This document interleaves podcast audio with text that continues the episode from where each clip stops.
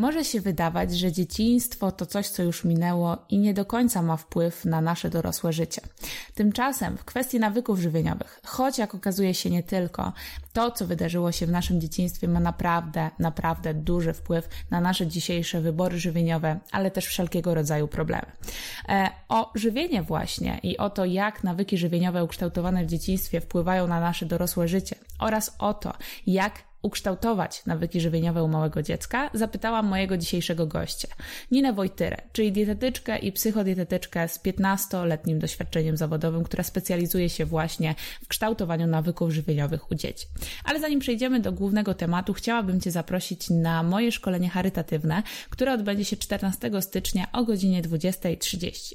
Tematem szkolenia jest to, jak budować silną wolę i osiągać wyznaczone przez siebie cele.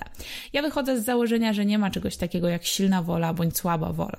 Jest tylko dobrze wytrenowana wola i niewytrenowana wola.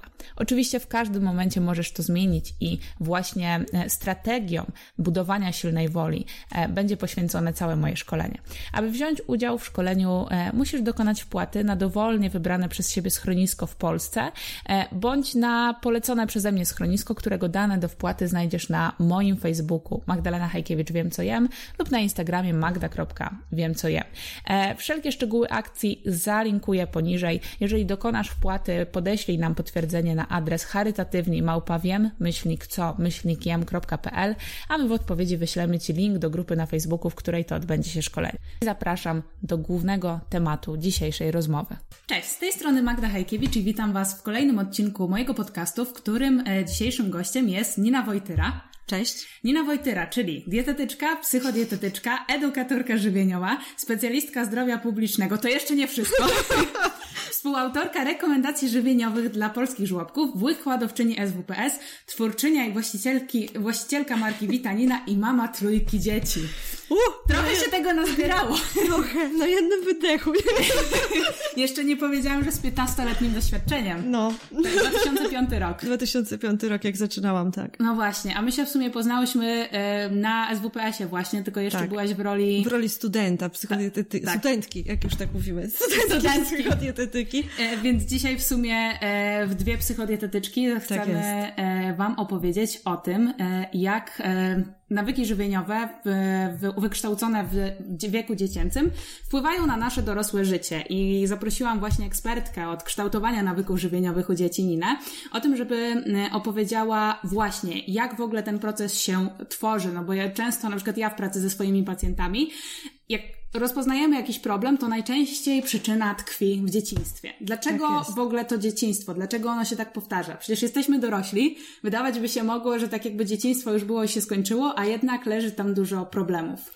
No to jest tak jak z każdą inną dziedziną życia, że e, w tym wczesnym dzieciństwie kształtują się rzeczy, które decydują o tym, jakimi jesteśmy dorosłymi. Niezależnie od tego, czy to jest jedzenie, czy to są jakieś, jakiekolwiek inne problemy społeczne, czy psychologiczne, to one mają korzenie korzenie gdzieś i na ogół jak tych korzeni się doszukujemy, no to na ogół wypływa gdzieś tam dzieciństwo. A te pierwsze e, lata życia dziecka, kiedy dziecko, najważniejsza w jego kształtowaniu, jego relacji z jedzeniem i otoczeniem jest ta diada mama-dziecko, te pierwsze lata życia są krytyczne, tyle, że my sobie z tego nie zdajemy sprawy, bo to jest tak, tak wcześnie, że nie sięgamy tak tam pamięcią, więc to jest nieuświadomione. I dopiero wtedy do ciebie trafiają twoi pacjenci, kiedy mają jakiś problem, więc muszą wrócić pamięcią mhm. do tamtych czasów, ale też kiedy ja na przykład prowadzę warsztaty, e, na przykład z kadrą przedszkoli, czy z rodzicami i rozmawiamy o samodzielności przy stole, to bardzo często to, co wypływa, to a moja mama, jak byłam mała, to. Więc mhm. generalnie zawsze do tego, do tego wraca.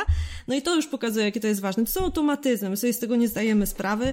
To są bardzo wcześnie wy, takie wytworzone sieci zależności tego, jak reagujemy na pewne bodźce i po prostu to jest tak silny, że, że wpływa na całe nasze życie. No tak, bo ja w sumie o tym wiem, ty o tym wiesz, no mhm. bo e, gdzieś tam jesteśmy związane z psychologią czy z psychodietetyką i się o tym uczymy, natomiast e, wiele osób ma takie poczucie, no ale co ja tam będę grzebać w dzieciństwie, co mi to da? Czy dałabyś na przykład dałabyś na przykład przykład e, jakiegoś zachowania, które z Twojej praktyki, mhm. które może wynikać z tego, że na przykład coś w dzieciństwie było nie tak i człowiek kompletnie nie ma tego świadomości, a jednak jest coś na rzeczy.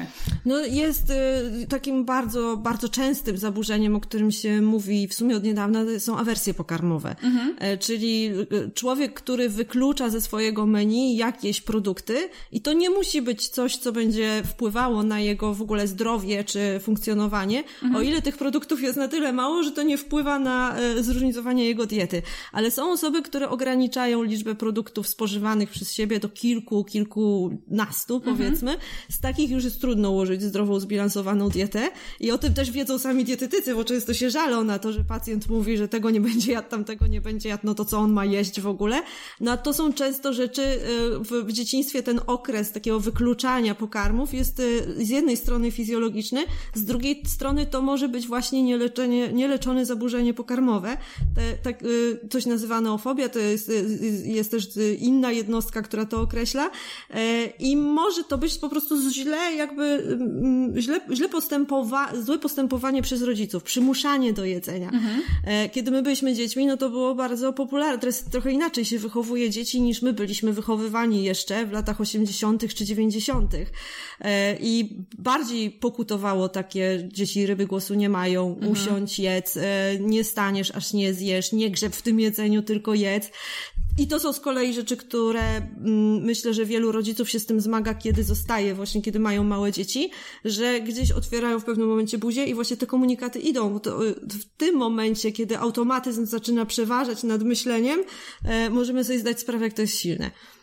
No i no są takie, tak.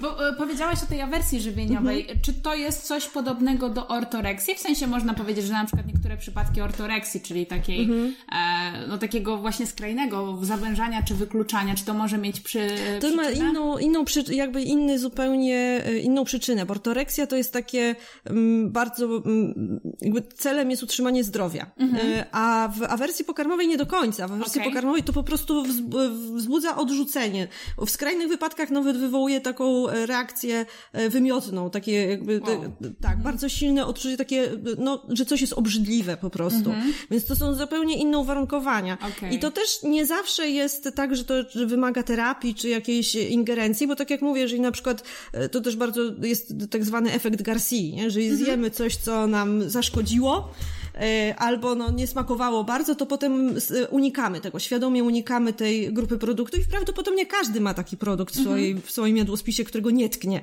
E, ale jeżeli to zaczyna wpływać na to, jak ta dieta jest w ogóle zbilansowana, zróżnicowana, a to wpływa na zdrowie, no to tym się wtedy trzeba zająć i faktycznie przepracować to i są metody terapii karmienia, takiej terapii już po prostu, gdzie są konkretne ćwiczenia, konkretne narzędzia do tego, których terapeuta może użyć, które taką awersję po, krok po kroku e, potrafią rozbroić, że tak powiem. Okej, okay, czyli to może być tak, że jak ktoś w nas w dzieciństwie wmuszał, nie wiem, brokuły, to my potem nieświadomie zupełnie na przykład na te brokuły może tak reagujemy tak obrzydzeniem. Może tak Może tak być, może tak być. A na, więc na czym polega terapia karmienia? Jak to się odbywa? E, terapia karmienia, ja może powiem bardziej w kontekście dzieci, bo tym mhm. się zajmuję, niż Jasne. osób dorosłych, ale taką bardzo fajną metodą terapii karmienia, która zresztą została w Stanach Zjednoczonych opracowana do leczenia szpitalnego, ale się świetnie przekłada na warunki domowe i można jej uczyć rodziców, jest metoda tak zwana food chaining. Po polsku to możemy nazwać jego łańcuch, je, je, łańcuch pokarmowy, -hmm. czy łańcuch jedzeniowy. Nie wiem, jak to przetłumaczyć, żeby to było bardziej takie,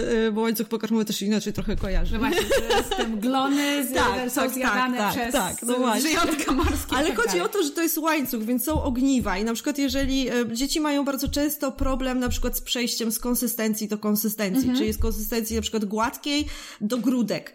E, I to jest, to, to może być fizjologiczne, nie musi, ale no trzeba na to jakoś zareagować. W momencie, w którym to się staje problemem, to właśnie ta metoda się bardzo fajnie sprawdza, czyli stopniowego przechodzenia od, e, od konsystencji do konsystencji. Mhm. E, I mm, w tej metodzie jest bardzo ważne, żeby bazować na preferencjach dziecka, czyli na tym, co ono lubi jeść i co mu pasuje i przechodzimy od tych produktów, które są preferowane, do tych, które są mniej lubiane przez dziecko. No i jeżeli na przykład konsystencja konsystencja gładka jest super i fajna, to tą konsystencję będziemy zagęszczać, na, na mhm. przykład dodając y, w skrajnych przypadkach nawet ziarenko czy dwa amarantusa na początek i coraz bardziej zwiększając gęstość tego jedzenia stopniowo, bazując cały czas na preferencji, czyli tak długo zostajemy na ziarenku czy dwóch amarantusa, y, powiedzmy w gładkim serku, póki dziecko to toleruje i do, dopiero, dopiero kiedy zaczyna nabierać tolerancji i chce jeść, to idziemy krok dalej.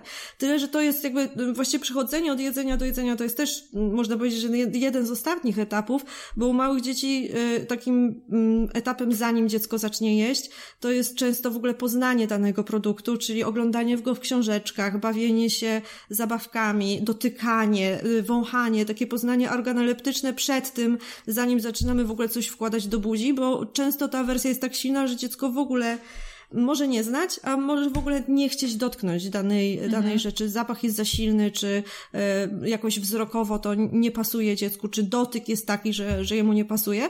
Więc to jest długi proces, ale mhm. bardzo skuteczny. U niektórych dzieci nawet, e, nawet rok może trwać przejście, na przykład z konsystencji do konsystencji, szczególnie u dzieci ze spektrum autyzmu albo innymi mhm. zaburzeniami, ale to jest metoda bardzo skuteczna, tyle że wymagająca pracy, wytrwałości i takiego podejścia procesowego, czyli że cieszymy się z tych małych kroków, mhm. a nie frustrujemy, że jeszcze nie doszliśmy do samego celu. Nie? Cała istota w zasadzie odchudzania, jak widać w każdym jakby e, no. modyfikacji zachowań żywieniowych, niezależnie czy mówimy o dzieciach czy dorosłych, no to ten proces, proces i jeszcze raz proces. Domyślam się, że kiedyś to wyglądało tak, że w momencie, kiedy dziecko, dziecku nie pasowała nowa konsystencja, no to było właśnie nie wstaniesz od stołu, dopóki nie zjesz, tak? Albo masz zjeść, bo nie wiem, nie dostaniesz słodycza czy coś takiego. Jakby... Albo tak, albo mhm. wręcz odwrotnie, czyli i zresztą do tej pory tak jest, że rodzice pozostają na tym, co dziecko preferuje. Okay. U tych dzieci, które są niejadkami tak zwanymi, mhm. rodzice bardzo często pozostają właśnie w gamie tych trzech czy czterech potraw, które dziecko toleruje i lubi, bo to są te pewniaki, które jak dziecko dostanie, to wiedzą, że zje.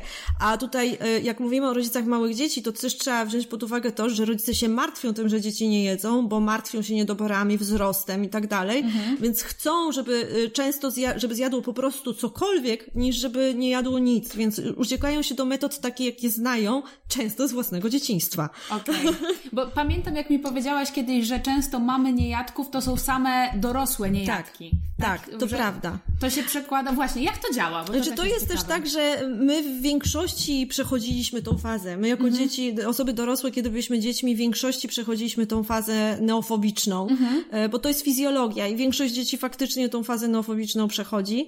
E, tyle, że rodzice nie mają o tym wiedzy. I to jest też ważne, żeby wiedzieć, że jeżeli dziecko się rozwija do pewnego momentu, jakby chętnie próbuje, je i wszystko jest fajnie i nagle przestaje, to to jest właśnie ta fizjologiczna faza neofobiczna okay. na ogół. Je, e, bardziej idziemy pod kątem zaburzenia, jeżeli dziecko od samego początku ma jakieś problemy z jedzeniem. Na przykład pojawia się odruch wymiotny, mhm. kiedy jest przystawiany do piersi. Od razu wypluwa, nie chce jeść, ma problem z połykaniem. No to wtedy lepiej jest się tym zainteresować od początku. Ale faktycznie ma, no, y, no większość z nas kiedyś tą fazę przeszło, większość z nas ma jakieś wspomnienie związane z jedzeniem, coś tam z tej swojej diety wyklucza i faktycznie mamy, które tak przynajmniej u mnie opowiadają w gabinecie, które same mają z tym y, duży problem, częściej widzą go u swoich dzieci też. Okej. Okay. Mhm. Jak robiłam badania na, właśnie zresztą na SWPS-ie w ramach pracy dyplomowej i mamy z mojej grupy na Facebooku, zapytałam o to właśnie, y, wypełniały ankietę dotyczącą własnych zachowań, zachowań swoich dzieci przy jedzeniu, to też okazało się, że większość tych niejadków to są pierwsze dzieci.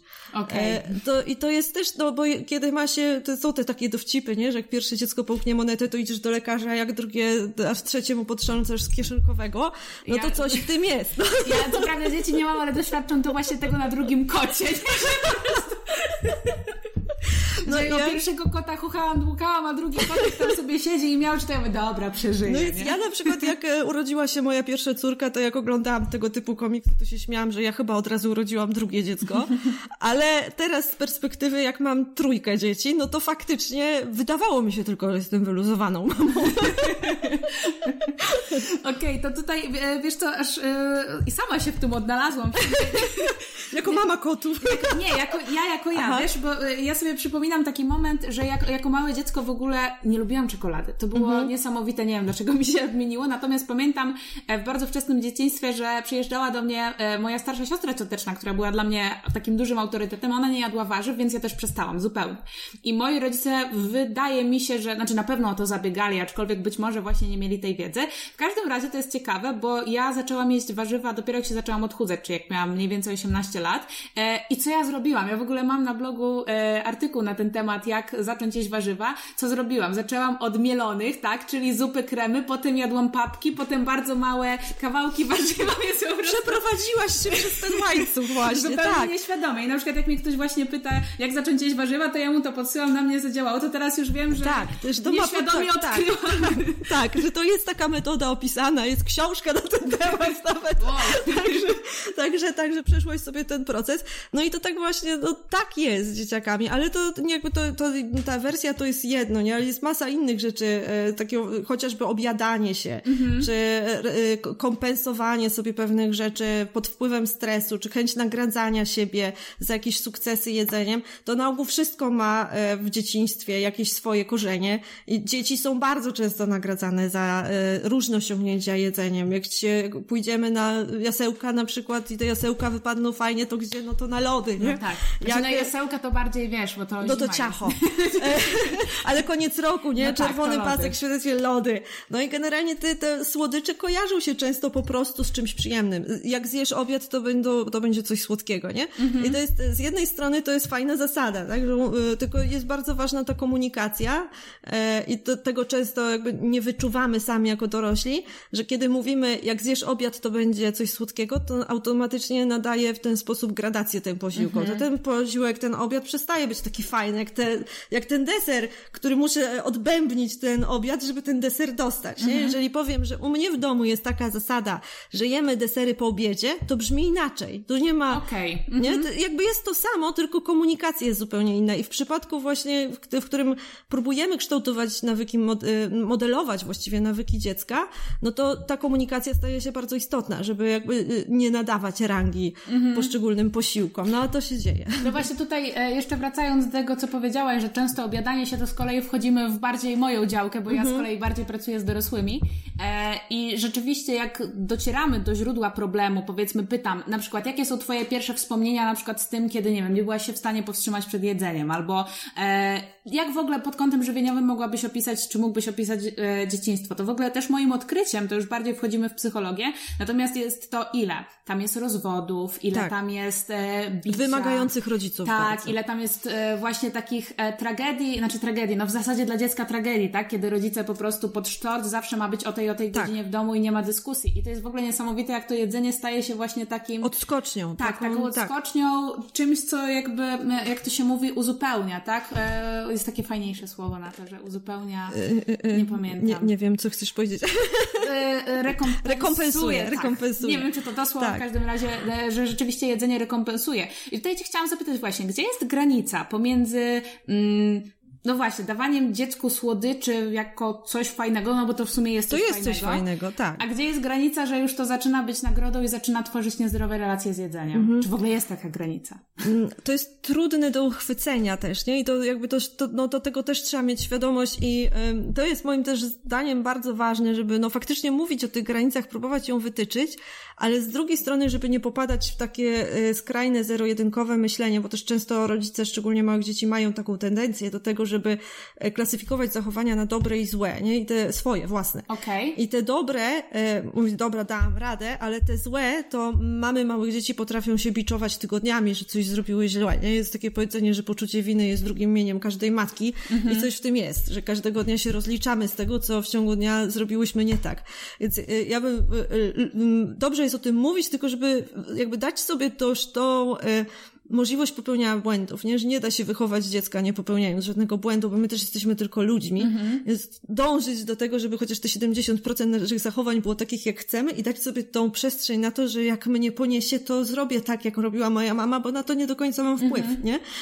E, I gdzie jest ta granica? Ona jest na pewno w komunikacji e, i na pewno jest e, w, w tym, za co odpowiada rodzic, za co odpowiada dziecko. I teraz jest bardzo dużo takich e, nurtów wychowawczych, mhm. które e, opierają się o tym, aby podążać za, za, e, za potrzebami dziecka. Na przykład rodzicielstwo bliskości, które mhm. próbuje dać dziecku tą maksymalną ilość takiej, takiej ciepła i bliskości i serdeczności rodzica, nie? Mm, z drugiej strony mamy takie trendy takiego wychowania w dyscyplinie. Mhm. Też jest pozytywna dyscyplina. Na przykład cały okay. trend wychowania, gdzie jest ta komunikacja, ale rodzic jest takim bardziej autorytetem, nie? Rodzice też się w tym gubią, nie wiedzą, gdzie i w którą stronę pójść, nie tylko w kontekście jedzenia, no bo czy ja mam pójść za tym, e, co moje dziecko potrzebuje, czy za tym, co ja wiem, że jest mu potrzebne, nie? Mhm. E, I no, zasada taka żywienia dzieci, która jest e, jakby przez wszystkie towarzystwa zajmujące się żywieniem dzieci podpierana jest taka, że to rodzic decyduje o tym, co dziecko dostaje do jedzenia, mm-hmm. a dziecko decyduje, co i ile z tej oferty wybierze. Okay. I to jest e, to clue, jakby na tym moim zdaniem się najlepiej oprzeć, czyli to ja decyduję, ponieważ moje dziecko, dwu czy trzyletnie, nie jest w stanie E, wziąć na siebie odpowiedzialności tej, żeby dobrać dla siebie posiłki. E, więc no nie stanę przed lodówką i nie powiem do trzatka, na co masz ochotę. Wiedząc, że w środku ma, że w lodówce mam czekoladę, nie? No bo wiadomo, co wybierze i teraz sama coś strzeliłam gola, bo za chwilę muszę powiedzieć, nie, nie, nie, na śniadanie czekolady nie jemy. Dlaczego? No właśnie, więc dobrze jest przede wszystkim mieć e, ofertę dla tego dziecka. Mhm. Ofertę, która jest oparta na produktach, które są dla niego przeznaczone, czyli jak najmniej przetworzonych, E, naturalnych, różnorodnych, świeżych produktach. Tak normalnie jak każda zdrowa dieta również dla dorosłego się na tym powinna mhm. opierać, tak samo dla dziecka, nie? I dziecko, możemy podać dwie propozycje, na przykład na śniadanie może być to, może być to. Dziecko może coś wybrać z tej oferty, ale może też nie jeść. Mhm. I, e, I co wtedy? I co wtedy? No i to jest właśnie tak, to jest pytanie, które najczęściej powstaje. Czy generalnie, e, może to zabrzmi trochę brutalnie, no ale medycyna nie zna takiego przypadku, że ktoś się zagłodził. Mhm. Słyszałam to chyba gdzieś kiedyś w jednym z Twoich webinarów. Właśnie, no że... właśnie, że sam sobie e, tą krzywdę zrobił. I to faktycznie jest dla rodzica frustrujące, kiedy dziecko odmawia jedzenia, szczególnie kiedy to nie jest pierwszy raz, kiedy to nie jest e, takie epizodyczne działanie, mhm. tylko po prostu się powtarza praktycznie przy każdym posiłku. Mamy często o tym piszą, że już nie mają narzędzi do tego, co robić dalej, że już po prostu stają na głowie, nie? Że, że... No ale prawda jest też taka, że y, trzeba zacząć od tego, żeby w ogóle zobaczyć, jak ten jadłospis wygląda, czy przypadkiem przekąsek nie ma tak wielu, że te posiłki główne odchodzą gdzieś w zapomnienie, bo ja mam takich agentów u siebie, co mają dwadzieścia parę posiłków w ciągu dnia. Tu flipsik, tam chipsik, tak. tu ciasteczko. I zapominamy o tym, że dziecko ma żołądek wielkości swojej zaciśniętej piąstki, mm, więc... Swojej. Swojej. swojej. Warte podkreślenia. No myślę. właśnie, więc y, często naprawdę nie potrzebuje tych ilości takich dużych, jak się rodzicom wydaje. Druga rzecz to taka, czy dziecko faktycznie nie je, czy nie je tego, co my uważamy, że powinno jeść. Okay. Bo dzieci faktycznie mają swoje preferencje i w pewnym okresie e, na przykład będą wykluczać produkty zielone z diety, bo to jest cecha ewolucyjna. Zielone jest niedojrzałe, więc generalnie nie jest fajne. Potem to przechodzi. E, oczywiście, jeżeli to jest, jak kończy się przedszkolem, nie? Więc mm -hmm. jak jest dobrze prowadzone, nie? To już, to już chętniej wtedy. Chociaż ogórki, no, no dzieci Miałam lubią. powiedzieć, że chyba, że mówimy o jarmużu, to też myślę, że wśród dorosłych nie ma. No właśnie. No. Ten jarmuż jest taki owiany taką, taką, ten, że... taką nutą, nie? Takim... Wszyscy wiedzą, że jest super zdrowy, ale... I nikt go nie je. No, coś. No właśnie. E, więc no to, to, to są pewne takie cechy, jakby no takie dietetyczne, z takiego dietetycznego aspektu warto ten jadłospis po prostu ocenić, zobaczyć. Druga rzecz to jest właśnie komunikacja, którą warto sprawdzić mhm. i system posiłków, jak to się odbywa, gdzie dziecko je, w jaki sposób je, czy je na siedząco, czy je na stojąco, czy je świadomie, czy nieświadomie, czyli przed bajką, czy nie przed bajką, mhm. czy mama rozprasza, czy nie, czy jest nagradzane to jedzenie, czy nie. No i trzecie, jeżeli wszystko jest w porządku, bo to jeszcze są ważne takie zwykłe medyczne jakby czynniki, mhm. nie? Czy, czy się prawidłowo rozwija po prostu? Czy na siatkach centylowych jest w porządku, czy nagle spadło na przykład z tych siatek centylowych? No mhm. jeżeli spadło wagowo, no to faktycznie trzeba się tym za, zaniepokoić. No ale jeżeli ten y, przyrost masy ciała i wzrostu jest wciąż proporcjonalny i dziecko jest cały czas w normie, no to okej, okay, mogę się martwić tym, że jest coś nie tak, bo nie je tego, co mu zaproponowałam, mhm. ale yy, fizjologicznie jest wszystko w porządku. Mhm. Dziecko się bawi, normalnie funkcjonuje, więc nie ma tragedii, tak? Nie, z tego powodu się nie rozchoruje w ciągu dwóch dni. Mhm. I jeżeli taka sytuacja się pojawia, to to nie ma uniwersalnej e, metody, to, to wtedy najlepiej jest jednak pójść do specjalisty mhm. i pogadać o tym, bo, bo po prostu mogą być tak różne przyczyny, że ja nawet nie chcę strzelać. Nie? Okay, po prostu w każdym rozumiem. domu jest różnie i to mogą być najczęściej. Najczęściej to są rzeczy związane związane z tym, jak, się, jak do y, jedzenia podchodzą rodzice. No to najczęściej nawet niewielkie błędy, które po prostu się koryguje i za jakiś czas to zaczyna przechodzić. Rzadziej to są rzeczy takie związane, które potrzebują takiej terapii, naprawdę terapii. Najczęściej to są wskazówki, które po prostu rodzic dostaje w gabinecie. Jeżeli wdroży, to będzie to okay. tak, jeżeli to przepracuje, to krok po kroku będzie lepiej. Co czasem trwa, ale daje efekt.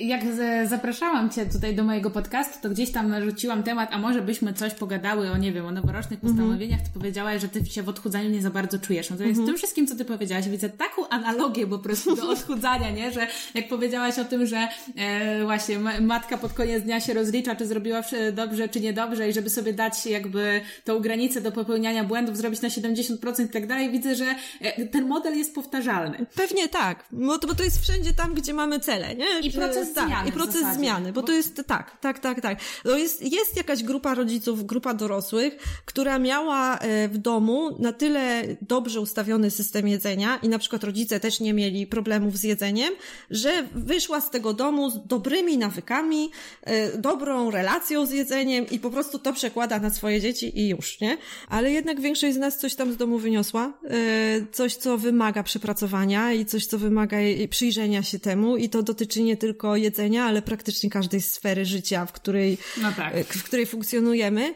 I faktycznie te rzeczy się stają bardziej widoczne, kiedy się ma swoje dzieci, dlatego że człowiek jest na tyle zmęczony, że te automatyzmy zaczynają przeważać, bo mhm. zamiast świadomie podchodzić do pewnych rzeczy, to po prostu już nie ma zasobów na to, więc leci się tym zakodowanym postępowaniem z dzieciństwa. I to nie jest ani dobrze, ani źle. Mhm, tak to, po prostu tak, jest, tak po prostu jest. No i to też trzeba wziąć pod uwagę, że nasi rodzice y, jakby postęp wiedzy, to ty, wiedza na temat żywienia dzieci w ogóle, to jest gałąź dietetyki, która się rozwija w tej chwili najszybciej. Nie, nie, mhm. Żadna gałąź dietetyki nie rozwija się tak szybko jak żywienie dzieci. I, to, jak y, sposób rozszerzania diety dziecka, czy ży, żywienia dzieci się zmienił w ciągu ostatnich ośmiu lat, ja to widzę też po swoich dzieciach, bo ja, moja córka ośmioletnia miała zupełnie inny schemat rozszerzania diety mhm. niż mój trzyletni syn. No więc y, ta wiedza bardzo szybko się zmienia. Nasi rodzice mieli zupełnie inną wiedzę. Cukier krzepi, mhm. e, woda z cukrem, soczki od czwartego, nawet wcześniej czasem niż od czwartego miesiąca życia. Mm, ale też były przekonania typu, znaczy to nie są złe przekonania, na przykład nie można marnować jedzenia, ale tak. warto pomyśleć o tym przed nałożeniem, tak. a nie nałożyć tak. dziecku kupę jedzenia, a potem krzyczeć, tak. że się nie może tak, marnować. Tak, dokładnie, nie? dokładnie. No teraz też już trochę idziemy w tą stronę, bo eko, nie, żeby nie tak. marnować tej tak, żywności, zero waste i tak dalej, ale to pokolenie naszych rodziców, no nie możemy o tym zapominać, pokolenie dzieci powojennych. Dokładnie. E, I ich rodzice żyjący w czasie wojny, kiedy jedzenie było po prostu wartością samą w sobie i to, jakby to, to niemarnowanie jedzenia było po prostu dla nich bardzo ważne. E, zmieniły się też trendy w wychowywaniu dzieci. Bardzo się zmieniły w, na przestrzeni ostatnich 30 lat. Się bardzo mhm. zmieniło to, jak w ogóle podchodzimy. Dziecko się u, upodmiotowiło. Ma swoje zdanie, ma prawo mieć to zdanie, je wyrazić. Wręcz się cieszymy, kiedy potrafi odmówić na przykład dorosłemu. Mhm. Jeszcze niedawno to było nie do pomyślenia, więc tak dużo rzeczy się zmieniło, że my w zasadzie jako rodzice e, wytyczamy nową ścieżkę. I na pewno też popełniamy przy tym masę błędów i podejrzewam, że i wiedza na temat żywienia i w ogóle trendy w wychowywaniu dzieci się tak zmienią przez najbliższe lata, mhm. że nasze dzieci też się będą śmiały z tego, jak my teraz do tego podchodzimy i nam wytkną kolejne błędy, pewnie nie? tak. Pewnie. Jest takie powiedzenie, że wszyscy jesteśmy mniej skrzywdzonymi dziećmi, bardziej skrzywdzonych dorosłych, nie? Myślę, myślę, że coś w tym jest. No właśnie, bo mamy dwie płaszczyzny tego problemu. Z jednej strony osoby dorosłe, które to e, wyrastały e, w tej mniejszej świadomości które teraz e, jakby e, no mają problemy, które tak naprawdę, e, żeby je rozwiązać, to trzeba by było się zająć swoim wewnętrznym dzieckiem tak. przepracować duże rzeczy, a z drugiej strony mamy właśnie dzieci, tak. które są wychowywane przez tych rodziców. Też mi się skojarzyło, nie wiem, czy, czy, czy, czy to dobre skojarzenie, że trochę dzieci są takim lustrem, które odbijają. tak, to jest y, chyba najbardziej y, takie krytyczne lusterko, jakie sobie można znaleźć. Już nawet bardziej niż źle oświetlone w centrum handlowym. Ale tak, no dzieci, dzieci dokładnie pokazują nasze zachowania, i, e, a my naszych rodziców. Mhm. No i faktycznie tak jest, że można się w tym przejrzeć doskonale i no i to też, to, to właśnie tak jak ty mówisz, też ja, mm, jak robiłam te badania na, właśnie na SWPS-ie, to zapytałam mamy, jakie emocje im towarzyszą przy karmieniu dzieci. Mhm. I tam te emocje, które się pojawiały, to była głównie frustracja, bezsilność, lęk, obawa, strach, nie? I to są te osoby, bo cały czas mówimy o małych dzieciach, no to to jest ta mama to jest ta osoba, która będzie w głównej mierze modelowała nawyki żywieniowe dziecka we wczesnym dzieciństwie. Tata jest ważny, ale jest mniej ważny niż mama w tym, w tym wczesnym okresie. No to teraz zobaczmy, kto modeluje nawyki dzieci. Osoby mhm. sfrustrowane, zalęknione, przestraszone, e, ciągle krytykowane. Mhm. Jak te osoby mają stworzyć e, pozytywny nawyk żywieniowy u dziecka, taki, taki mhm. prozdrowotny, na bazie tych emocji, którymi dysponują. Jeżeli my się nie zaopiekujemy tymi mamami, to one nie będą w stanie zaopiekować się dziećmi. Mhm. I to jest, e, myślę, że bardzo ważne, jeżeli ktoś w ogóle pracuje z rodzicem dziecka w kontekście modelowania nawyków żywieniowych jego dzieci, że to tak naprawdę nie dzieci modelujemy, tylko prostujemy rodziców. To mi się skojarzyło, jak prowadziłam szkolenie z psychodietetyki, to miałam właśnie pytania e, na temat dzieci, to znaczy przychodzą rodzice do gabinetu, tak, mama otyła, tato otyły, dziecko otyłe i mówią na przykład przyprowadziliśmy naszą świnkę, nie? Albo mhm. e, proszę coś z nim zrobić i w momencie, kiedy zaczynamy e, dietetyk rozmawiać tak z rodzicami, no to ale to przecież ono ma problem. Mhm. Mhm. E, w ogóle jak, jak, jak, jak dotrzeć do tej rozmowie mhm. do, do tego, żeby pokazać, no bo to chyba nie jest proste powiedzieć, no słuchajcie Państwo, tak naprawdę to praca jest z Wami, a nie z dzieckiem. No, to jeszcze zależy od wieku dziecka też, mhm. bo e, to, takie przypadki, o jakich Ty mówisz, to raczej dotyczą dzieci starszych, mhm. czyli to są raczej rodzice, którzy się pojawią w gabinecie z 9, 10, mhm. 11, 12 latkiem i tutaj też trzeba wziąć pod uwagę, że to jest inna relacja, że tu już też wchodzi konflikt między nastolatkiem, mhm. podważającym kompetencje rodzica, a rodzicem, no więc to jest w ogóle często psycholog, żeby w ogóle w tych mhm. relacjach y, y, porozmawiać. Taka I... też najczęściej była moja rada, że tak, tak naprawdę że... tego rodzaju problem, zresztą jak słychać taką komunikację, jak przeprowadziliśmy tak. naszą świnkę, no to tutaj dietetyk tak, tak. naprawdę nie za dużo ma tak. do robienia. I, I tutaj też warto właśnie o tym wspomnieć, że, że yy musimy pamiętać, do czego mamy kompetencje, do czego nie tak, w tym tak. zawodzie, bo e, ja też e, spotykam bardzo różne osoby u siebie w gabinecie i różnych historii słucham z różnych wcześniejszych konsultacji. I, ja, e, i często dietetycy zarzucają lekarzom wychodzenie poza swoje kompetencje mhm. i na przykład udzielanie zaleceń żywieniowych, które nie mają większego sensu i to prawda, ale z drugiej strony, no to się też bardzo często zdarza dietetykom, że wychodzą poza swoje kompetencje bądź nie dostrzegają, że ich nie mają mhm. i że mhm. potrzebują wsparcia innego specjalisty w tym konkretnym zakresie, nie? Ale na przykład no to, co ja bym, e, co ja zresztą stosuję, jeżeli chodzi, niezależnie od tego, czy to są dzieci małe, czy to są duże e, dzieci, to ja na pierwszą konsultację zapraszam bez dziecka mhm. i rozmawiam tylko z rodzicami, bo uważam, że naprawdę nie ma potrzeby, żeby dziecko małe czy duże słuchało na swój temat właśnie takich argumentów. A to jest, jak, jak obie wiemy, to jest też pierwsza faza zmiany, że tak. musimy wylać te żale z siebie, tak, nie? Musimy tak. powiedzieć, co jest źle i co jest nie tak, żeby zrobić sobie przestrzeń na tym, żeby pracować na tym, co jest tak naprawdę do zmiany. No więc jeżeli, to mogę z grubsza założyć, że przyjdą i będą się żalić. Inaczej pewnie by nie przyszli. Inaczej by nie przyszli, więc ja nie chcę, żeby to dziecko to słuchało. I dopiero z rodzicami y, ustalam, o czym my będziemy pracować, gdzie, y, jaką przyjmiemy razem strategię, o czym będziemy rozmawiać, jakich sformułowań używać. Jak, y, często się umawiam na znak taki stop, nie? Że, mhm. że ja, ja, powiem słowo, po którym już nie mówcie więcej, mhm. nie? Okay. fajny patent żeby, żeby zapewnić temu dziecku za bezpieczeństwo w gabinecie. Bo też, y, no, y, jeżeli pracujemy, jeżeli ja pracuję z małym dzieckiem, tak y, nad, nad małym dzieckiem, tak? Takim, nie wiem, jedno, dwu, trzyletnim, mhm. no to bardziej pracuję z rodzicem faktycznie. No tak. Ale jeżeli przychodzi do mojego gabinetu nastolatek z rodzicami, to ja czasem wręcz odwrotnie. Ja bym chciała bardziej z tym nastolatkiem, a mniej słuchać mamy. A to mhm. też jest trudne. No, tak, tak.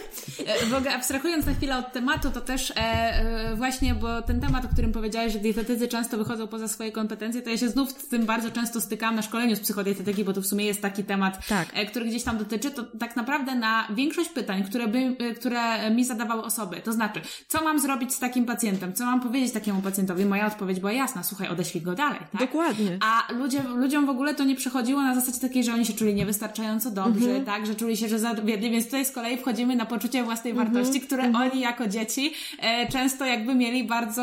Albo e, wysokich wymagań. Obniża... Tak, co tak, bym tak, nie tak, zrobiła, to nie tak. doskoczę do tej poprzeczki. Więc w ogóle wchodzimy w dzieciństwo i tak, tak jakby cały... E, no w zasadzie e, wracamy do początku naszej rozmowy, czyli że wszystkie gdzieś tam problemy tak naprawdę powinniśmy... Mają korzenie w dzieciństwie. Tak, ale korzystając z tego, że mam dzisiaj tutaj Ciebie, bo też powiedziałam, że są dwa aspekty, że z jednej strony to są te dorosłe dzieci, czyli my dorośli, którzy mamy jakieś tam schematy z dzieciństwa, no ale mamy też te dzieci z racji tego, że ja nie pracuję z dziećmi, ty pracujesz, więc ja sobie trochę to, e, pozwolę, że tą rozmowę mhm. właśnie pójdziemy w stronę dzieci, a e, dorosłe dzieci zostawimy na indziej. No e, natomiast e, chciałam Cię zapytać, no właśnie, e, edukacja żywieniowa. E, moim Twoim i wielu dietetyków marzeniem byłoby to, żeby był taki przedmiot w szkole, bo skoro się uczymy, nie wiem, o matematyce, geografii, to czemu by się nie uczyć żywienia, które w zasadzie nam to, jakby e, towarzyszy przez całe życie.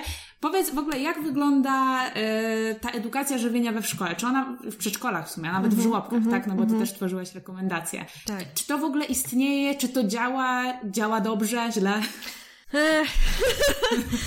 Mała autopromocja. Jeśli jesteś już na tym etapie podcastu, to prawdopodobnie treść w nim zawarta jest dla Ciebie interesująca.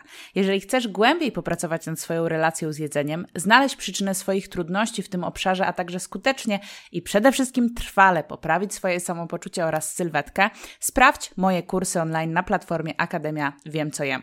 Kursy, które tworzę są praktyczne. Poznasz w nich nie tylko teorię, ale przede wszystkim nauczysz się jak wdrażać tą wiedzę w realia swojego życia. Link do mojej platformy kursowej znajdziesz w opisie tego odcinka. Temat Rozumiem. Znaczy, tak, systemowo nie działa. Czyli okay. nie ma żadnych rozwiązań systemowych w programach nauczania, programach przedszkolnych. Są raczej akcje. Te akcje typu Dzień Zdrowej Żywności mm -hmm. i to może być już nawet w żłobku, czy jakiś tam, nie wiem, tydzień warzyw. Nie? Mm -hmm. W szkole to są nawet już takie cykliczne akcje organizowane. Tego nie robią nauczyciele. Znaczy, takie cykliczne przedszkolne różne y, akccie to faktycznie nauczyciele robią. Dzieci się mm -hmm. przebierają za marchewki, jakieś takie różne jest dzień tam, nie wiem, wszyscy przychodzą na pomarańczowo i, i uczymy się o marchewkach, nie, czy mhm. ścieramy na tarce i to jest bardzo fajne, nie, dla trzylatków. Często w domu nie mają takiej możliwości, więc fajnie, że w przedszkolu mogą sobie tą marchewkę na tarce zetrzeć, czy zrobić coś tam innego, sałatę podrzeć, czy, czy coś w tym stylu. Ale no to nie są rozwiązania systemowe i mają charakter jeden-dwa dni w ciągu mhm. roku. E, jeżeli chodzi o takie pozasystemowe, czyli dostarczane z zewnątrz, to są różne akcje, ale właśnie akcje, nie? To nie jest akcje. tak, że mhm. to jest e, system, który ma jakieś konkretne zadania i on trwa jakiś czas i uczy.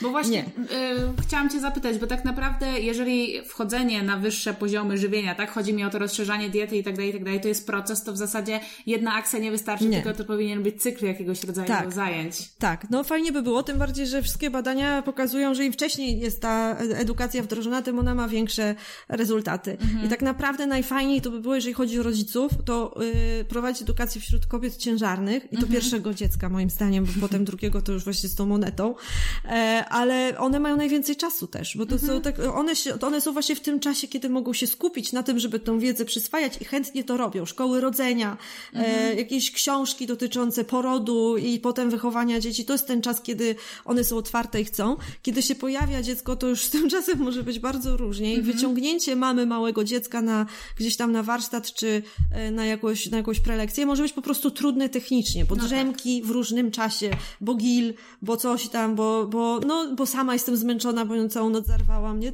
No, jest to już jakieś ograniczenie.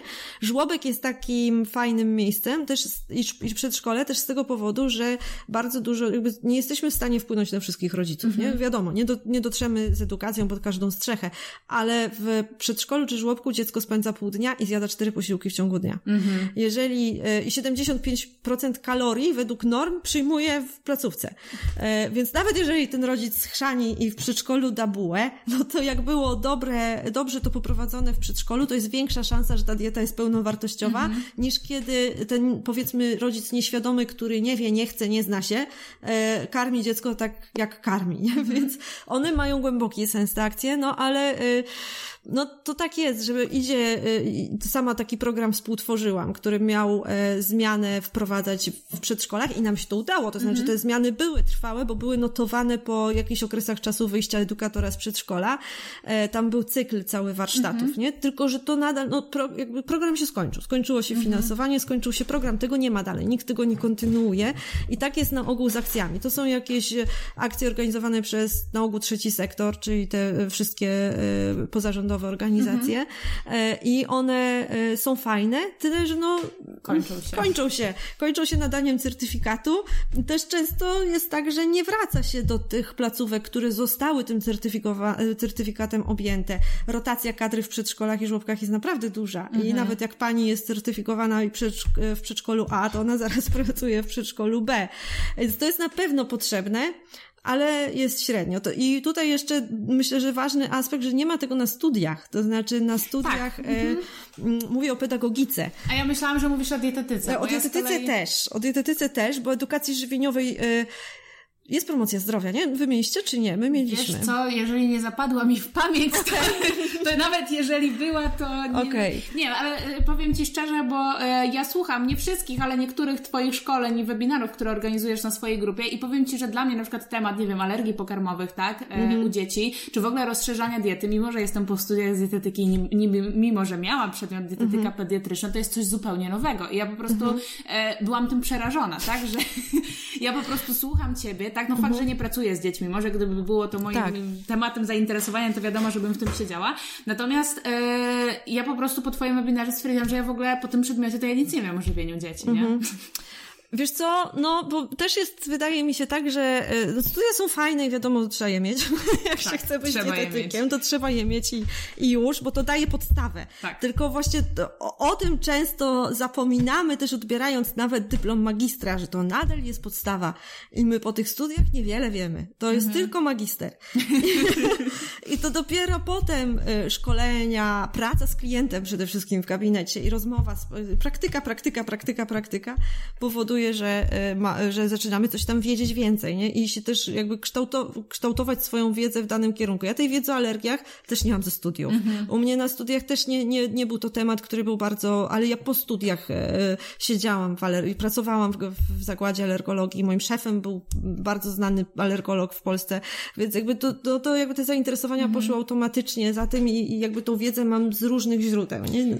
Szczęście mają studenci psychodietetyki na SWPS, którzy po naszym roczniku e, ty weszłaś cała na biało i przejęłaś edukację żywieniową no, e, dzieci. Tak, dużo, dużo zadają pytań, co jest z reguły bardzo fajne w ogóle, bo e, fajnie jest poprowadzić wykład, który trwa 4 godziny na, mhm. na SPS-ie i utrzymać zainteresowanie tych odbiorców swoich, to, to nie jest takie łatwe. I to jest strasznie miłe, jak oni po, jak ja widzę, że oni nie scrollują face'a na moim wykładzie i jak przychodzą i zadają pytania po wykładzie. Mhm. I naprawdę tych osób jest dużo. Ja ostatnio kilkanaście co najmniej minut po wykładzie spędziłam na rozmowie, jeszcze w przerwie, w, środku e, wykładu, rozmawiając o dzieciach mhm. moich słuchaczy, o sytuacjach z gabinetu, więc jest na to na pewno tej wiedzy jest niedostatecznie dużo, szczególnie, że teraz e, jeszcze e, dodatkowy taki aspekt się pojawia coraz więcej dzieci z zaburzeniami, ze spektrum mhm. autyzmu głównie tak, tak, tak. i rodziców, którzy szukają pomocy i też tej wiedzy jest, wiedza jest bardzo, mm, jakbym powiedziała, legendarna, na przykład dieta trzy razy bez. E, czyli bez glutenu, bez cukru, bez, e, okay. bez e, białka mleka krowiego. I on, no i rodzice szukają wiedzy w tym temacie i dietetycy szukają, nie wiedzą, nie? czy mm-hmm. w którą stronę pójść. A to jest trochę tak jak z Hashimoto i z redukcją białka mleka krowiego. W Hashimoto jednym pomoże, innym nie. Mm-hmm. Okay. Naukowych dowodów nie ma. Mm-hmm. Czyli testujemy i no właśnie, no właśnie. No właśnie, bo a propos edukacji żywieniowej, bo ty coś masz fajnego. Mhm.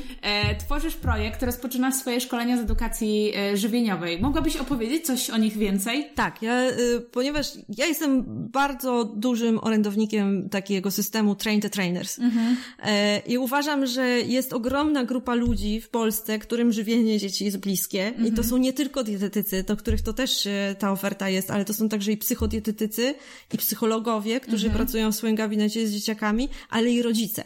Rodzice, którzy ta grupa rodziców, która jest świadoma e, wpływu żywienia na zdrowie dziecka, a jednocześnie nie ma narzędzi, żeby na przykład swoje przedszkole, które żywi dziecko byle jak, zmobilizować do tego, żeby jakąś zmianę wprowadziło, bo to jest trudne. I na ogół tym narzędziem, o którym rodzice mówią, to jest rozmowa ze sanepidem, nie? No to to jest takie...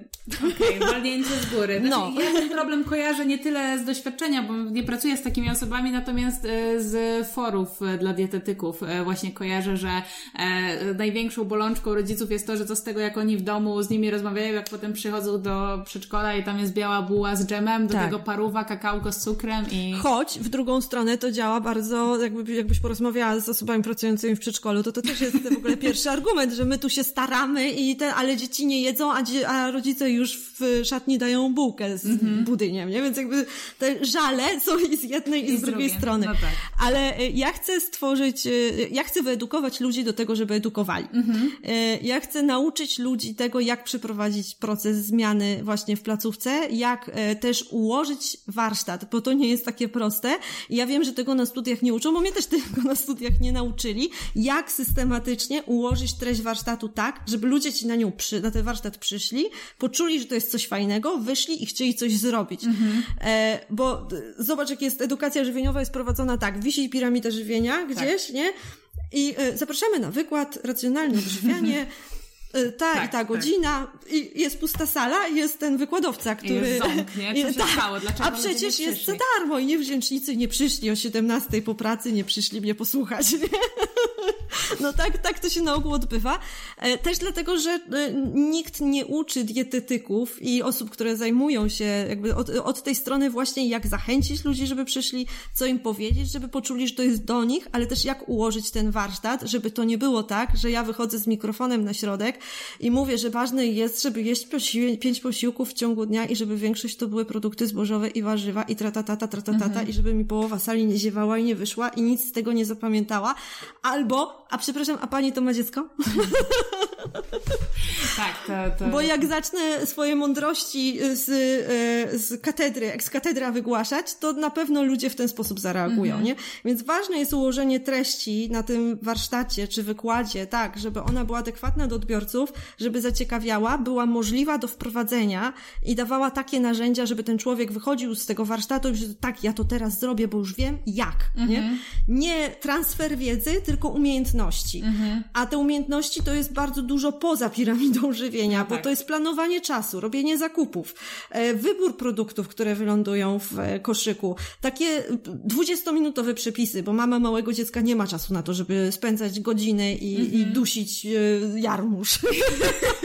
I też z drugiej strony mi się kojarzy, że umiejętności miękkie to jest asertywność, stawianie tak, granic, tak, komunikacja. Tak, no. tak. I ja chcę nauczyć na tym szkoleniu y, y, właśnie tego, jak przeprowadzić zmianę, jak ułożyć warsztat i przećwiczyć to na sali, czyli mhm. prze, prze, przećwiczyć prowadzenie warsztatu w takich warunkach laboratoryjnych, gdzie sami ze sobą sobie e, w grupie osób, które czuje się bezpiecznie, przy ustalonych regułach gry, która będzie sobie ten warsztat odgrywała i chcę, żeby te osoby, które przejdą moje szkolenie, e, chcę im dać coś dodatkowego, czyli chcę im dać e, pro, program certyfikacji, który mhm. będą mogli wdrażać w przedszkolu. Czyli osoby, które przejdą ode mnie szkolenie i zdecydują się na dalszą współpracę, mogą dostać ode mnie tematy warsztatów, iść do przedszkola i wie, będą wiedziały już jak, jak, jak i z kim porozmawiać, mhm. E, gdzie, gdzie szukać sprzymierzeńca w tym przedszkolu, który pomoże wejść jakby w to, bo to jest bardzo ważne, od czego zacząć taką rozmowę, o czym porozmawiać, jak zaprojektować interwencję, czyli jakie dobrać tematy warsztatów konkretnie dla tej placówki, mhm. w której jestem,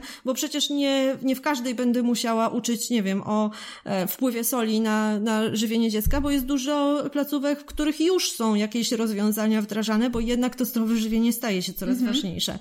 E, I te osoby będą mogły wprowadzać to w życie i mam taką, taka jest moja wizja, że e, wyszkolę ludzi, którzy będą szkolić dalej. Mhm. I oni będą oddolnie na tą zmianę wpływać, bo wydaje mi się, po latach pracy w edukacji żywieniowej, że to jest jedyna droga. Mhm. Że odgórne działania, nie ma ani woli politycznej tak naprawdę do tego, żeby wdrażać jakieś systemowe rozwiązania, a wszystkie inne będą miały charakter akcyjny. Mhm. To jest jak ludzie są zaangażowani w to, bo to jest dla nich ważne, bo na przykład, nie wiem, jestem dietetykiem i na tym opieram swój biznes też, tak, albo, albo jestem, jestem rodzicem i to jest moje dziecko i tak. po prostu robię to dla niego, to wtedy to ma sens. Mhm. Tutaj też mi się skojarzyło, nie wiem, czy kojarzysz taki termin bizukowcy.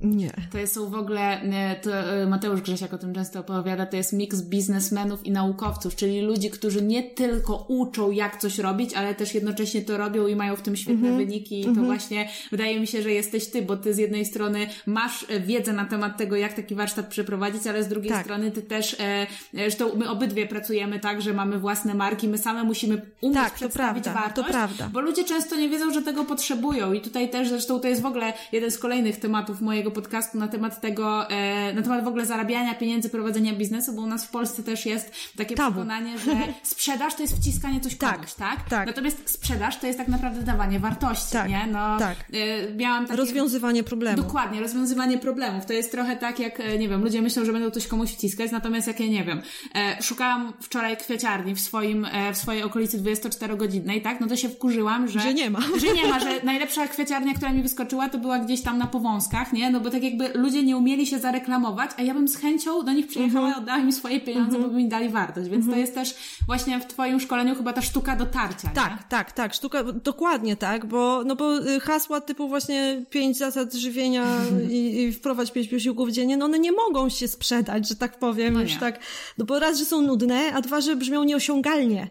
No bo jak ja na przykład jestem nauczycielką przedszkolną i mam inne problemy niż to, że dzieci mają jeść pięć razy dziennie i to są takie problemy, że codziennie z kuchni idzie tona żarcia do wyrzucenia mhm. i to mhm. jest marnowanie pieniędzy e, albo mojego organu zarządzającego, albo mojego pracodawcy, mhm. e, a dzieci nie jedzą, a pierwsze pytanie rodzica przy odbiorze dziecka to jest ile on zjadł i dlaczego tak mało, e, no to jakby to, to, co ono będzie jadło, to jakby schodzi na drugi plan. Ważne, żeby zjadło. Mhm. Bo tego ode mnie oczekują jako pracownika okay. przedszkola, że dziecko ma zjeść, nie? Więc dopóki ja jako prowadząca warsztat tego nie wiem i nie znam potrzeb tej osoby, z którą będę rozmawiała, to ja nie jestem w stanie takiego tematu za, za y, który tą osobę przyciągnie, bo, mhm. bo na ogół będą mnie traktować jak świra, nie? Przyszła jakaś nawiedzona dietetyczka i będzie mi tu wciskać, że całe życie jem sól, jest dobrze. Mhm, tak. Albo moja babcia pije no. codziennie tam naleweczkę, ma 90 lat i... Tutaj jeszcze właśnie to, to jest też, to co powiedziałaś jest też właśnie pod tym kątem ważne, że często jest tak w tych akcjach właśnie edukacyjnych, że to są rzeczy, które są narzucone z góry, czyli na przykład dyrekcja decyduje się na to, żeby przedszkole przystąpiło do jakiejś akcji, ale to nie znaczy, że wszyscy pracownicy są entuzjastycznie nastawieni do tego, żeby zostać po godzinach swojej pracy i słuchać pani dietetyczki, która przyszła o zdrowym żywieniu dzieci. Mhm. Część nie chce, część ma w domu chore dziecko, część tego nie uważa za ważne i jeszcze w dodatku nikomu za to ekstra nie zapłacili, żeby mhm. został, nie? Więc jakby z, z, tym też się ten edukator musi zmierzyć, że on wchodzi na salę i wcale nie jest oczekiwany z fanfarami, tylko raczej większość osób hmm, kto to jest, po co przyszła i kiedy mogę iść do domu, nie? Więc to są też takie e, rzeczy, które są trudne tak naprawdę, szczególnie kiedy się zaczyna dopiero pracę e, edukatora, że właśnie z takimi rzeczami też się trzeba zmierzyć, z tą grupą też trzeba pracować no tak. jakoś, nie? Mm -hmm. I mhm. trzeba, za, za, jakby za to się, do, do, tego się zostało zatrudnionym, żeby to zrealizować i żeby to miało efekt. Mm -hmm. A więc tutaj też trzeba, e, no, wiedzieć, jak się zachować. To jest w ogóle niesamowite, bo my wyszłyśmy w sumie od tematu tego, jak właśnie dzieciństwo, nawyki ukształtowane w dzieciństwie wpływają na dorosłe życie. Natomiast e, jest niesamowite posłuchać o tym, jak wiele w ogóle przeszkód może stać na tej drodze, no bo mówimy o edukacji żywieniowej. Teoretycznie wydawać by się mogło, tak, że ludzie powinni z otwartymi rękoma mhm. czekać, bo ktoś w końcu przyszedł powiedzieć właśnie jak, co zrobić, żeby moje dziecko lepiej jadło, czy żeby moja grupa w przedszkolu lepiej jadła, czy żeby moje przedszkole na przykład dało się lepiej zareklamować wśród rodziców, a tu po prostu co róż kłada pod nogi, nie? Tak, to, tak, to, tak. też jest ciekawa dla mnie ta perspektywa, mam nadzieję, że dla Was słuchaczy też, że to jest nie tylko właśnie kwestia e, to, co mogło pójść nie tak e, i w naszych, i, i czy, czy, czy w dzieci e, wychowaniu, to nie jest tylko kwestia właśnie rodzić dziecko, ale ile po prostu systemowych kłód wokół Prawda? I no. ile osób ma wpływ na to dziecko, tak, bo my tak, na tak. początku mówimy o, o, mm, tej diadzie, mama, dziecko, tak. nie? Ale tu zaczynają dochodzić kolejne osoby, rówieśnicy, nauczyciele, wychowawcy, babcie, dziadkowie, wujkowie, ciocie i te wszystkie osoby mają jakiś wpływ na to, jak te nawyki są modelowane. No a nie wszystkie chcą i, i też no, i każdy wyniósł coś z domu, nie? Mhm. Czyli teraz mamy tutaj kilka figur musimy postawić. Być może są wśród słuchaczów, e, słuchaczy osoby, które e, chciałyby wziąć sprawy w swoje ręce i zostać edukatorem. Wtedy mogą przyjść na przykład tak. na takie twoje szkolenie. Kiedy to szkolenie się odbywa? E, to jest ostatni przełom lutego i marca, teraz jest chyba rok przystępny, więc 29 lutego, mhm. 1 marca weekend w Warszawie na ulicy Ptasiej. Mhm. To, e, jeżeli ktoś z Was ma ochotę, to ja oczywiście to szkolenie podlinkuję, natomiast mamy kolejne figury również, czyli jeżeli ktoś e, e jesteście w gronie e, osób związanych z przedszkolem przychodzi taki edukator, to nie utrudniajcie mu. E, właśnie ja mam taką nadzieję no. też, że właśnie dzięki temu, ja będę to nagłaśniać, ja chcę zrobić taką całą akcję, się nazywa Misja Pozdrowie. Nie mhm. tylko osoby, które będą edukować, ale też te osoby, które, dla których żywienie jest ważne. Bo jest, wiesz, jest też taka, mm, że wiesz, rodzic zaangażowany, który, dla którego żywienie jest ważne i w ogóle idzie na zebranie do przedszkola i słyszy, że w, na przykład w paczce świątecznej na Mikołajki będzie, będą żelki, nie? I jemu gól rośnie po prostu, bo on od trzech lat już się stara, żeby tych żelków nigdzie nie było, ale on nie ma sprzymierzeńca na sali, mhm. bo on widzi, że jest jedyny, nie?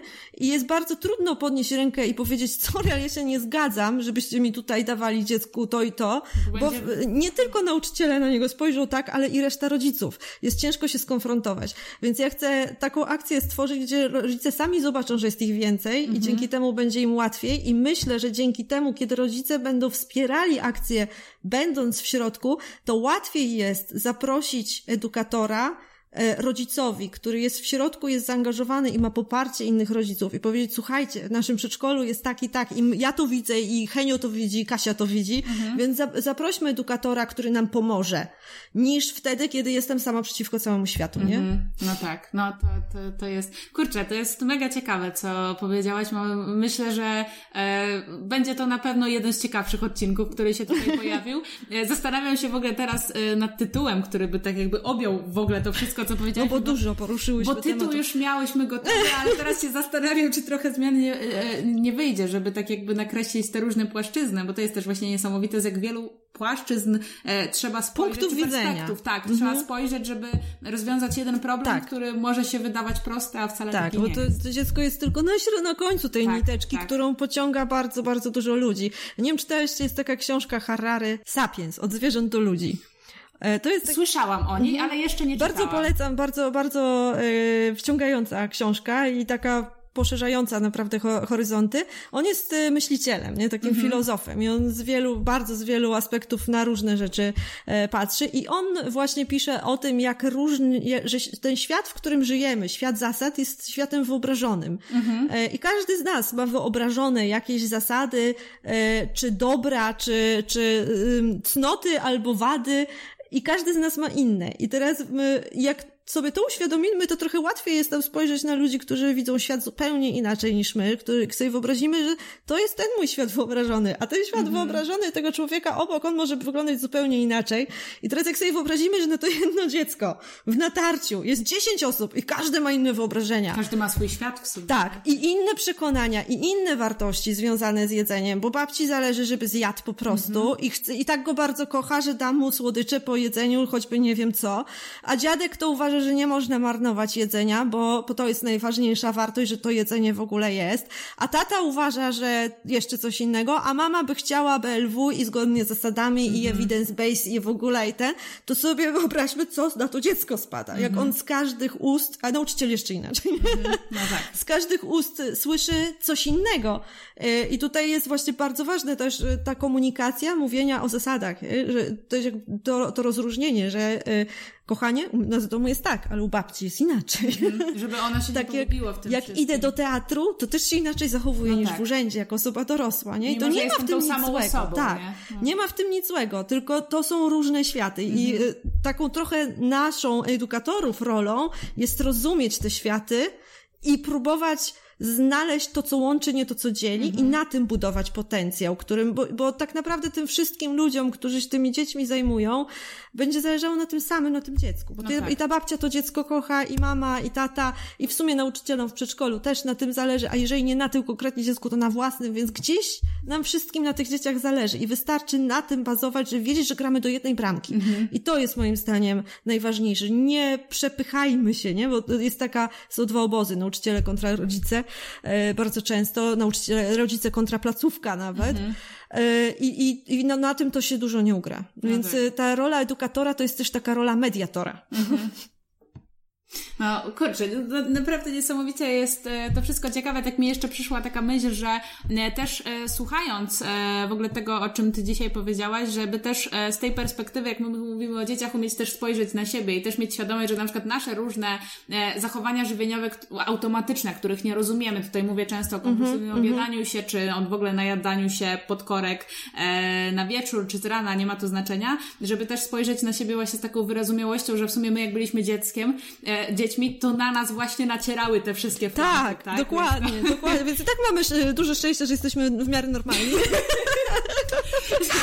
I tym optymistycznym akcentem myślę, że y, możemy zakończyć. Bardzo Ci dziękuję za tę niesamowicie ciekawą rozmowę. Przypomnę tylko wszystkim zainteresowanym, że e, Twoje szkolenie będzie się odbywać na przełomie lutego i marca. Ja link do tego szkolenia oczywiście e, wrzucę. Jest to szkolenie po to, aby stać się edukatorem tak. żywieniowym, ale od tej bardzo, bardzo, bardzo praktycznej, praktycznej strony. strony. Tak. I myślę, że dużym atutem tego szkolenia jest to, że właśnie nie tylko ich edukujesz, jak edukować, ale też jakby tworzysz takie środowisko, czyli właśnie mówisz, jak się zakręcić, e, gdzie znaleźć... Od strony biznesowej tak, też, tak. bo to jest właśnie mm. też, jeszcze dopowiem tylko, często pomijana kwestia, nie? Bo jeżeli, tak, tak. jeżeli e, my mamy też w Polsce takie jeszcze przeświadczenie, że jeżeli robimy coś społecznie dla ludzi, to to powinno być za darmo. Mhm. No właśnie nie. No tak. bo, bo na tym się szybko wypala, no. I też e, mało osób to wtedy szanuje. Tak, to prawda, to prawda. Jak coś jest za darmo, to łatwo to odwołać, nie? Tak, tak, tak, tak, tak, tak. Dobra, bo zaraz wyjdziemy tak, na inny temat. Już, możemy, już mi się klaruje kolejny temat, ale to na, na razie to zostawmy. Także jeszcze raz bardzo Ci dziękuję. E, mam nadzieję, że również Wam ten podcast się podobał i myślę, że to nie będzie nasz ostatni wspólny podcast. Ja też dziękuję za zaproszenie i pozdrawiam wszystkich, którzy nas słuchali. I do usłyszenia w następnych odcinkach.